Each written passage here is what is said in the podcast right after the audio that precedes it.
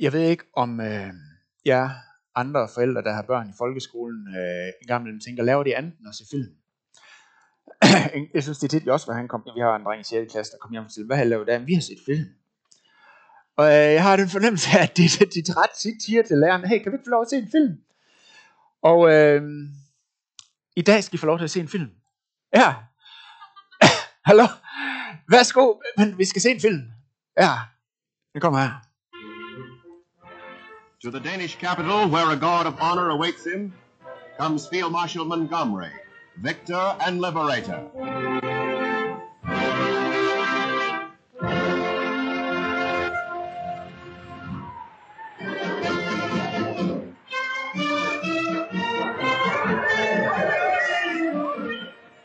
And his reception by the people of the city demonstrates their feeling of deliverance and gratitude.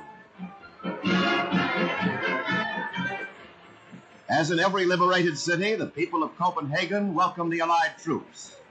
The world has seen such scenes of joy in France, in Belgium, and Holland. And now it is the turn of the people of Denmark.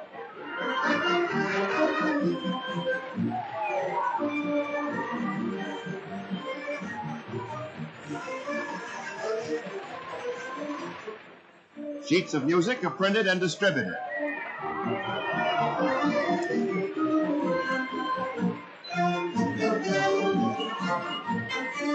Soldier salute soldier. This is the comradeship of free peoples.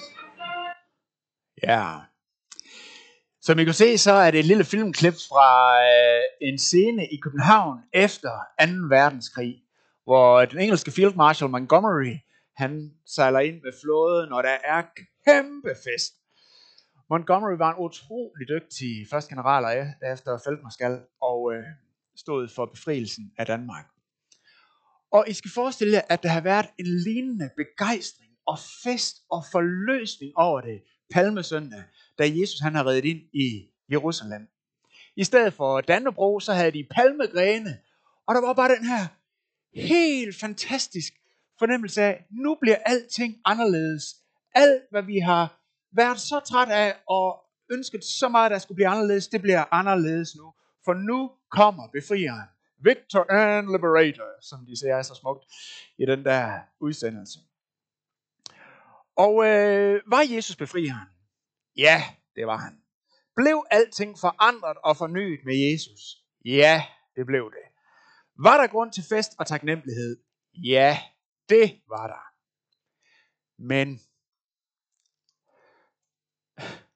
hvert år, når vi kommer til Palmesøndags fest og glæde, så er der noget, der trykker mig. For den taknemmelige folkeskare, der var helt vildt overstrømmende på Palmesøndag, og råbt til Jesus, Jesus, du er Guds velsignelse, du er det bedste af det bedste, vi kunne forestille os, du er konge, du er redningen i vores liv. Søndag, mandag, tirsdag, onsdag, torsdag, fredag. Nej, ikke så meget korsfæst ham. Korsfæst ham, vi kan ikke bruge ham til noget alligevel. Den samme folkeskare, fem dage efter. Hvad var der sket, mand? Har de fået en kollektiv hjerneblødning? Eller hvad var der sket? Prøv at forestille jer 12 dage efter øh, den der fest i København. Altså, hvad? Det, det er ikke til at forstå. Og disciplinen, selv disciplinen, hans nærmeste team, der har været med helt frem og sagde, ja, yeah, vi er tæt på the VIP her. Da Jesus blev taget til fange, der flygtede de, de fleste af dem. Og teamlederen Peter, der har sagt til Jesus, Jesus, det kan godt ske, det bliver lidt svært, når vi skal til Jerusalem, men du skal bare vide, om alle de andre her i kerneteamet, det er alle de andre tøsedrenge, hvis de svigter dig, så skal du bare vide, at øh, Peter her fra Kapernaum, han ved, hvor du har. Og han fornægtede Jesus. Han bandede på, at han ikke kendte Jesus.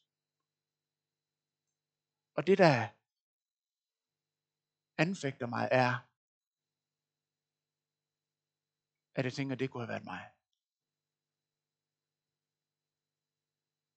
Hvad, hvad, hvad, hvad, hvor, hvorfor, hvorfor skulle jeg ikke have gjort ligesom alle de andre disciple?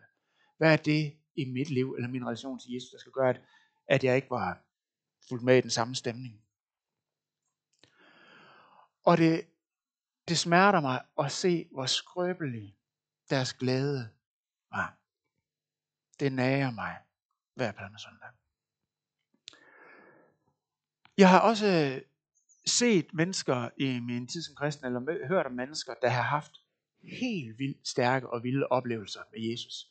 Altså overnaturligt, ud over det overnaturlige. Altså helt vilde ting, de har oplevet. Karismatiske ting, hvor de fleste af os vil sige, hvis vi har bare oplevet en tiende del af det, så vil vi aldrig mere tvivle. Aldrig mere vil vi øh, sådan. Altså så vil vi bare gå 100% all in fra nu af, fordi det må være så vildt. Og jeg har set nogle af de mennesker i deres liv, hvor en måned efter, så smadrer de bare deres liv. Smider det hele bagud. Og sidetracker hele den øh, fornyelse, de har, de har været en del af. Hvad? Spørgsmålet, vi arbejder med i dag på Palmesøndag er, hvor finder vi en robust Jesusglæde? En Jesusglæde, der holder til Palmesøndags fejring. Ja tak, vi er med. Men også holder til skatorsdags forvirring. Langfredags fortvivlelse. Så vi er med påskemorgen ved det nye opstandelsesliv, som Jesus giver dig. Det handler dagens prædiketekst faktisk om. Og øh, det er Johannes evangeliet kapitel 12, hvor vi møder Jesus og teamet øh, dagen før palmesøndag. Det lyder sådan her. Johannes evangeliet kapitel 12, vers 1. Seks dage før påske kom Jesus til Betania, hvor Lazarus boede, ham som Jesus havde oprejst fra de døde. Der holdt de et festmåltid for Jesus. Martha sørgede for maden, og Lazarus var en af dem, der sad til bord sammen med ham. Maria tog et pund ægte, meget kostbar nardusolie og salvede Jesu fødder og tørrede det med sit hår, og huset fyldtes af duften fra den vellugtende olie. Judas Iskariot, en af Jesu disciple, ham som skulle forråde ham, sagde da, hvorfor er denne olie ikke blevet solgt for 300 denar givet til de fattige? Det sagde han ikke, fordi han brød sig om de fattige, men fordi han var en tyv. Han var nemlig den, der stod for pengekassen, og han stak noget til side af den, af det, der blev lagt i den. Der sagde Jesus, lad hende være, så hun kan gemme den til den dag, jeg begraves. De fattige har I jo altid hos jer, men mig har I ikke altid. Den store skare af jøder fik nu at vide, at Jesus var der, og de kom derud, ikke alene på grund af ham, men også for at se Lazarus, som han havde oprejst fra de døde. Men øverste præsterne besluttede også at slå Lazarus ihjel. For på grund af ham gik mange jøder hen og troede på Jesus.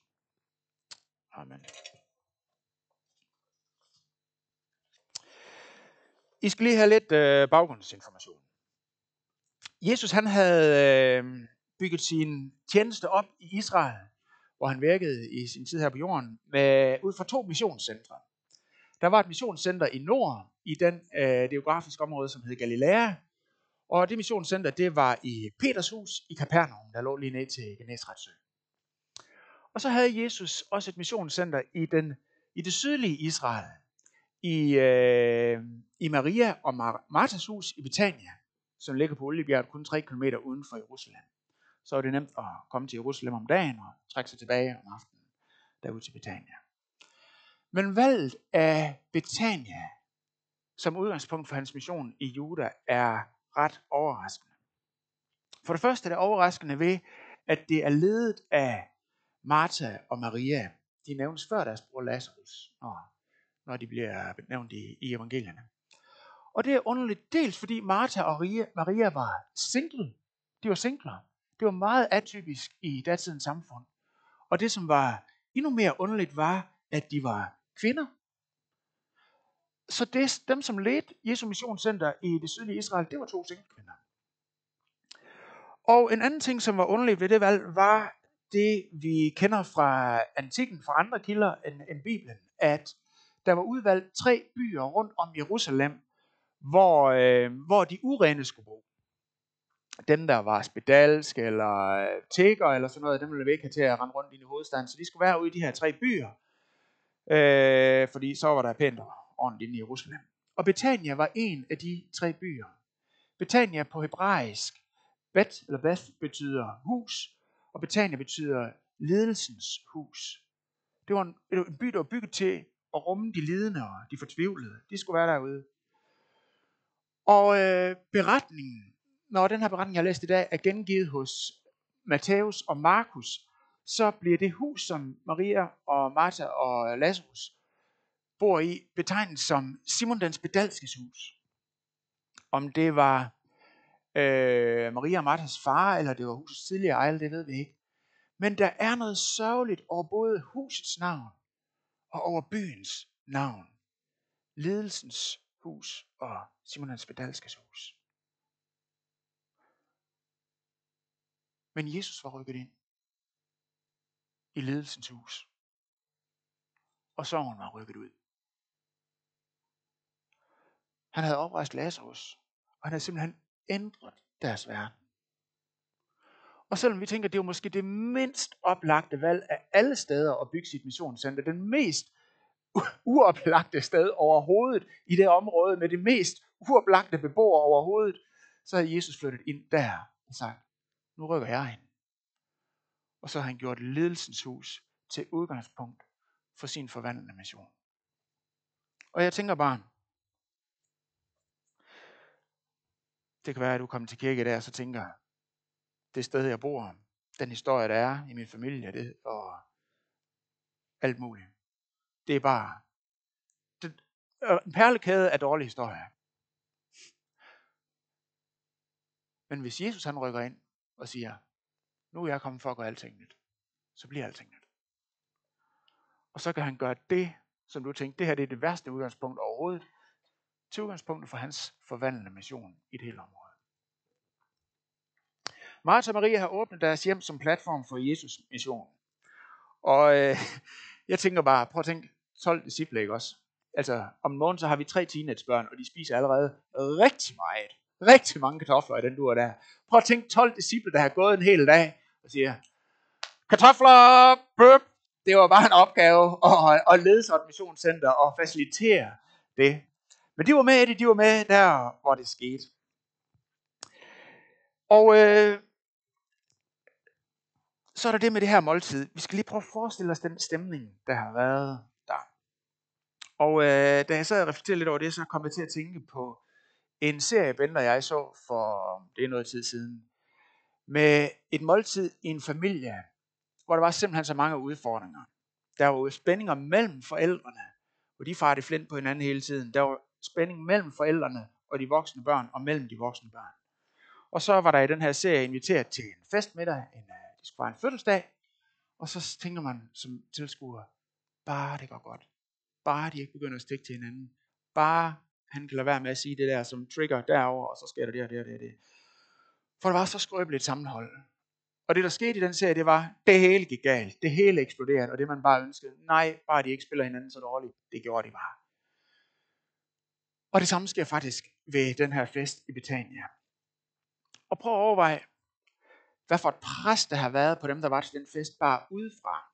Der var to til den fest, der havde en dødstrussel hængende over hovedet. Jesus, som de ville slå, jøderne, de jødiske ledere ville slå ihjel, fordi han var så populær, og så Lazarus, de ville også slå ihjel, fordi han var også ved at blive lidt øh, for interessant. Så der har været et enormt pres udefra.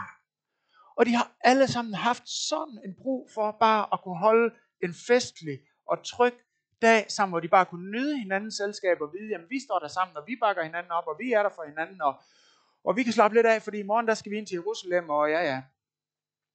Men det hele gik galt.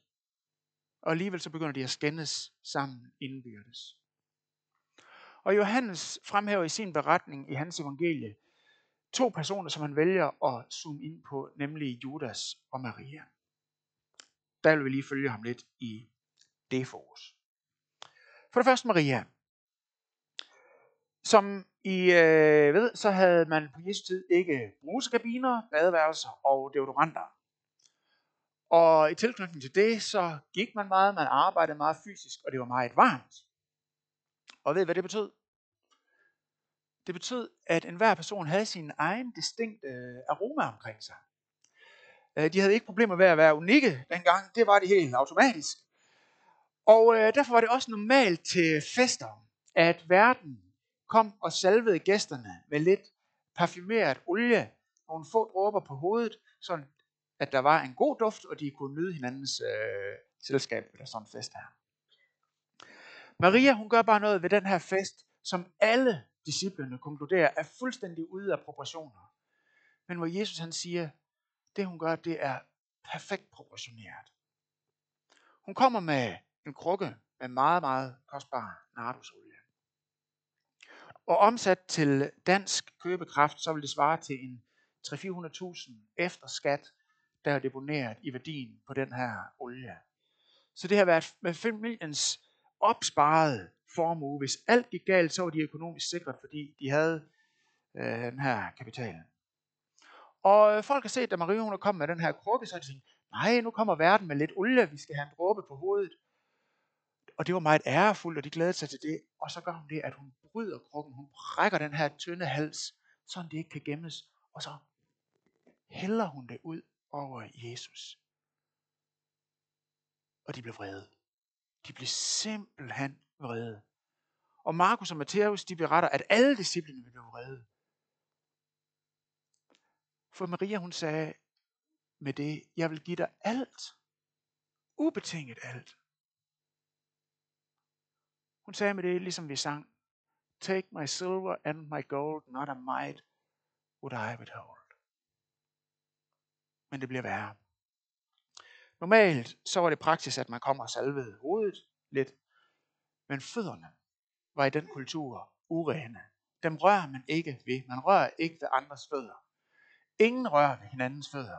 Og faktisk så var det sådan i rabbinsk øh, lovgivning, i øh, det som man i dag vil kalde øh, en overenskomst, øh, at det var en rettighed for jødiske slaver, at de kunne simpelthen ikke blive bedt om at løse deres herres sko. Meget kunne man tilbyde sin ansatte, men at løse sin sko, det skulle man selv. Det gør man ikke. Men Maria, hun siger med det, at hun begynder at salve Jesu fødder, og ikke nok med det, hun tørrer det med sit hår. Så siger hun, jeg giver slip på mine rettigheder. Jeg giver slip på mine rettigheder. Take my will and make it thine. It shall be no longer mine. Men sandelig om det ikke bliver værre endnu. Hårdt. Det er det værste. Det at løsne op for sit lange hår. Det så man aldrig i offentligheden, for det var noget, kvinder kun gjorde hjemme i soveværelset, og kun hendes ægtemand var til stede. For det var et stærkt, erotisk og intim handling. Og det er jo kun prostitueret, man sjældent gang mellem kunne se gøre det i offentligheden. Og vi kender det selv fra Hollywood-film, når der er en, der øh, slår hårdt ud og gør et eller andet sådan i den her retning her. Så ved vi godt, nu bliver det lige skruet op for charmen. Og øh, det bliver måske lidt øh, lummer den næste scene. Faktisk så sagde rabiner, øh, og det var en del af deres øh, undervisning og rabbinsk lov, at hvis en kone, ens kone gjorde det sådan i offentligheden, altså slog hårdt ud, så kan man bare be, øh, sige, jeg skal have skilsmisse, og det skal være nu. Det var helt, helt rimeligt, for det gjorde man simpelthen ikke. Maria, hun viser med det en dyb, dyb åbenhed over for Jesus. Og en intimitet, som er bemærkelsesværdig. Han siger, du har ikke kun råderet over, hvad jeg ejer. Du har ikke kun råderet over min vilje og min lydighed. Men du har også råderet over mit hjerte. Du har råderet over min glæde. Og det skal være min fryd at reorientere min identitet og min glæde omkring dig. Du er ikke kun alt jeg er, men du er også alt hvad jeg har. Take myself and I will be ever only all for thee. Det var Maria. Så er der Judas. Han var faktisk en meget, meget dygtig mand. Af alle de disciple, han, Jesus han havde, der var han en af de højst betroede. Han var administrativ leder. Han stod for økonomien og pengekassen. Og øh, han var betroet meget. Judas er kendetegnet ved religiøsitet. Og ved det mener jeg, at han vil gerne være disciple på ydersiden, øh, men han vil ikke have Jesus som herre. Han foregav at tænke på de fattige, men han ville have pengene i kassen, for at han skulle stjæle dem til sig selv. Matthæus og Markus nævner i deres beskrivelse af den her situation, øh, at alle disciplene blev vrede på Maria. Men Johannes han zoomer ind på Judas for at tydeliggøre, at der er kun to muligheder. Enten så vil vi sælge Jesus for at bruge ham til vores formål, eller også er vi helt solgt til Jesus og ønsker at lade os bruge af ham. Religiøse mennesker, om det er så med udgangspunkt i kristendom, eller islam, eller buddhisme, eller hvad som helst. Religiøse mennesker tænker, jeg vil gerne bruge Gud, men til mit formål. Kristne mennesker, der kender evangeliet, ønsker og blive brugt af Gud til hans formål og hans ære. Religiøse mennesker kan også gøre mange gode ting. De kan bryde krukken. De kan give det, de ejer. De kan gå til fødderne. De kan være lydige. Men religiøse mennesker slår aldrig hårdt ud. Religiøse mennesker giver aldrig adgang til den inderste glæde, til hjertet.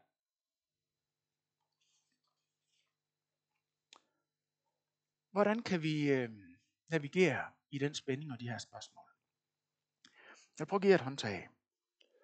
Hvis vi prøver at kigge på vores bønsliv. Religiøse mennesker beder også. Det gør de. De øh, beder om, at øh, Gud ikke lige kan hjælpe dem med det, og lad det der lykkes. Giv os en god dag. at det her lykkes. Jeg har brug for, at du hjælper mig der og der og der. Er Gud ligeglad med det? Nej. Han har en kæmpe omsorg for hele vores liv og alt i vores liv.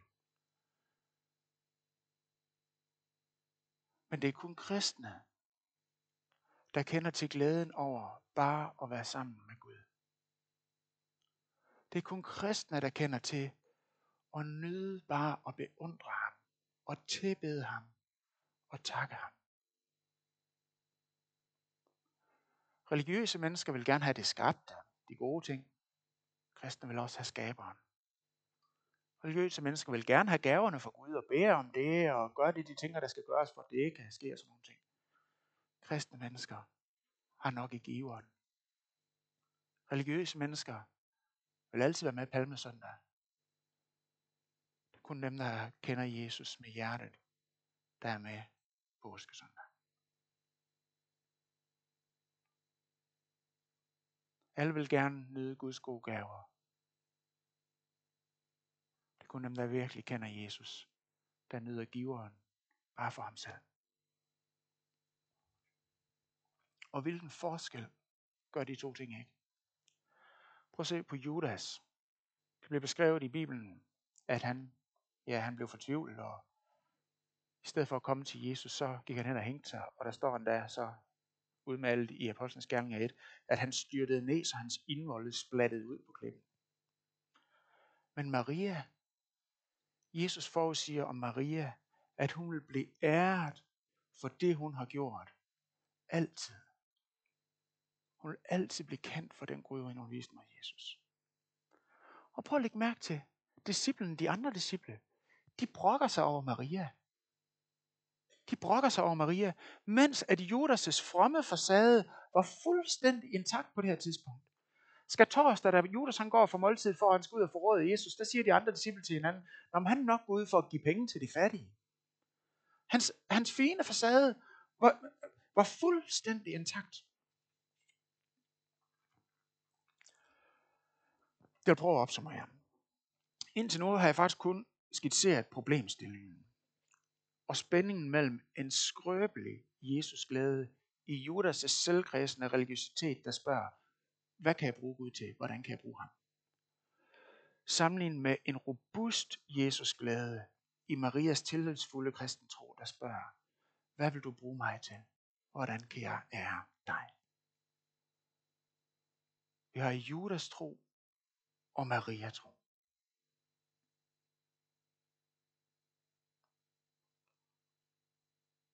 Hvem ligner du mest?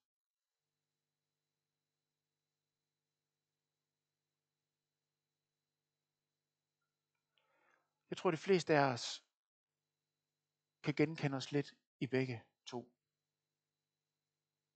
vil sige, at vi har et sted derimellem. Og det gode spørgsmål er, hvordan går man fra at have en Judas-tro til en Maria-tro med en robust Jesus-glæde?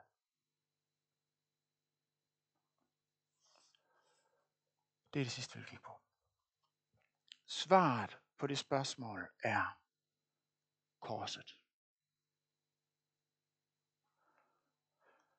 Lad mig prøve at udfolde det. Maria, hun vidste faktisk på det her tidspunkt, at Jesus skulle begraves. Som det er oversat i den danske oversættelse, så siger Jesus, lad hende være, så hun kan gemme den, altså salven til den dag, at begraves. Men det græske kan også oversættes med, lad hende være, for hun har gemt den til den dag, jeg begraves. Og spørgsmålet er, hvordan vidste øh, Maria, at Jesus han skulle begraves? Ja, altså evangelien de gengiver, at hun, øh, at Jesus mange gange havde prøvet at, at fortælle sine disciple, at han skulle lide, dø og opstå på den tredje dag. Men hver eneste gang, så står der, at de havde ikke fattet, hvad det er. Det er simpelthen et gennemgående omkvæd. Jesus han siger, jeg skal lide, dø og opstå på den tredje dag, og så står der om de fattede ikke, hvad det var, der skulle ske. Og Maria havde set og lyttet ved Jesu fødder. Men den forklaring, at det er via det, som han har sagt der, er i bedste fald et gæt.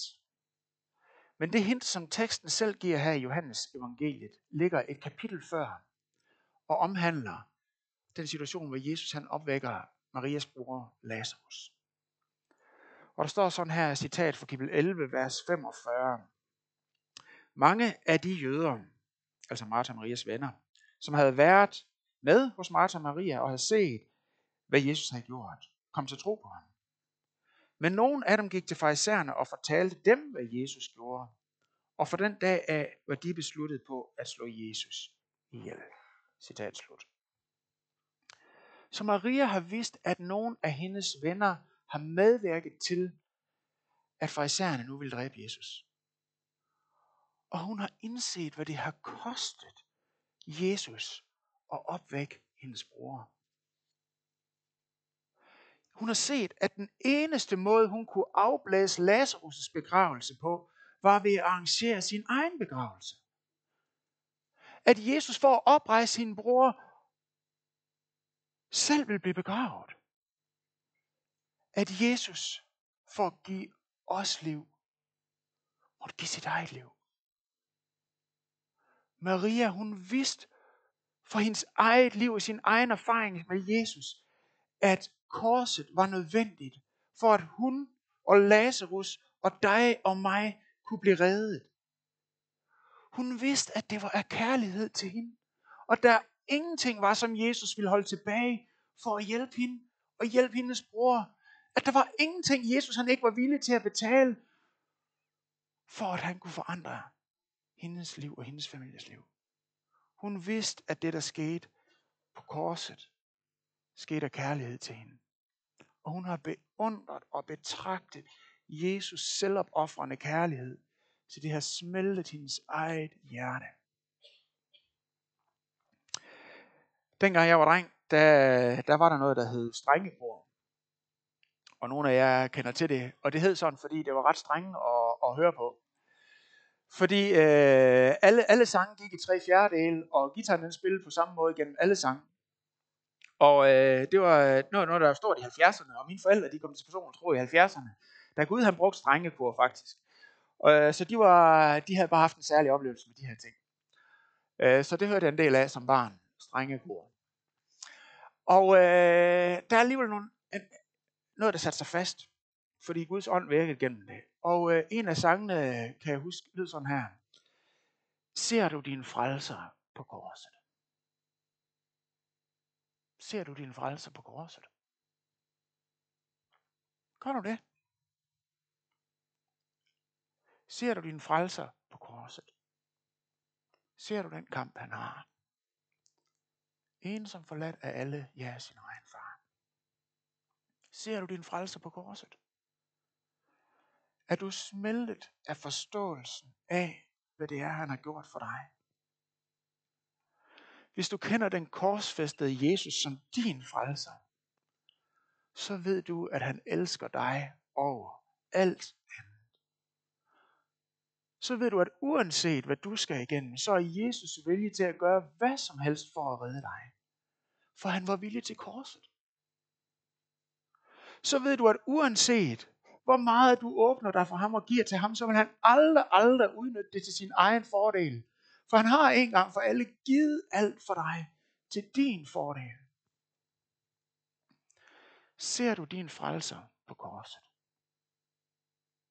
så er din påskeglæde robust. Forvandlingen fra en Judas tro til en Maria tro kommer ved evangeliet om Jesus, der har givet sit liv. En Judas vil aldrig indrømme, at han har brug for Jesus. Han vil klare det selv. En Judas vil aldrig åbne sit inderste for Jesu kærlighed og lade sig bruge af Jesus, men ønsker bare at bruge Jesus til at løse sine egne fortløbende problemer, når han siger til. Så lad være med at spørge, hvad kan jeg bruge Gud til? For du er slet ikke kompetent til at bruge Gud. Vi er knap nok kompetent til at bruge vores eget liv. Vi har brug for Guds hjælp til at gøre det. Men Jesus er kommet for at gøre alting nyt.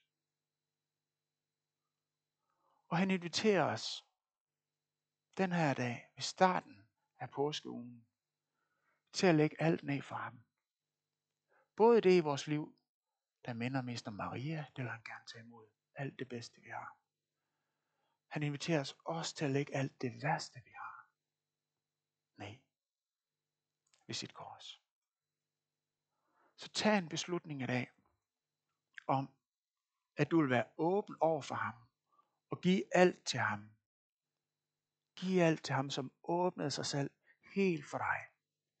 Som gav sit liv for dig på korset. Det giver robust Jesus glæde.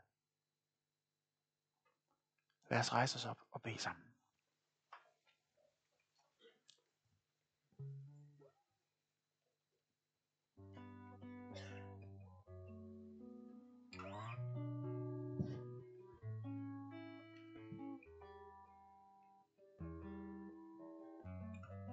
Jesus, tak fordi du møder os i dag. Og tak fordi du vil tage imod os der, hvor vi er. Og invitere os til at lægge alt ned for dit kors. Både det bedste og det værste. Og lægge os selv ned for dig.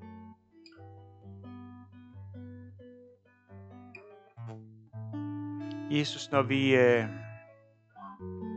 i vores liv render ind i skal stå os fortvivlelse, eller det, hvor vi synes, vi er nærmest er lang fredag, og ikke forstår, hvad der sker, hold os fast og tæt ind til dig. Så du kan få lov til at bære os ud på den anden side til påskemorgens opstandelse.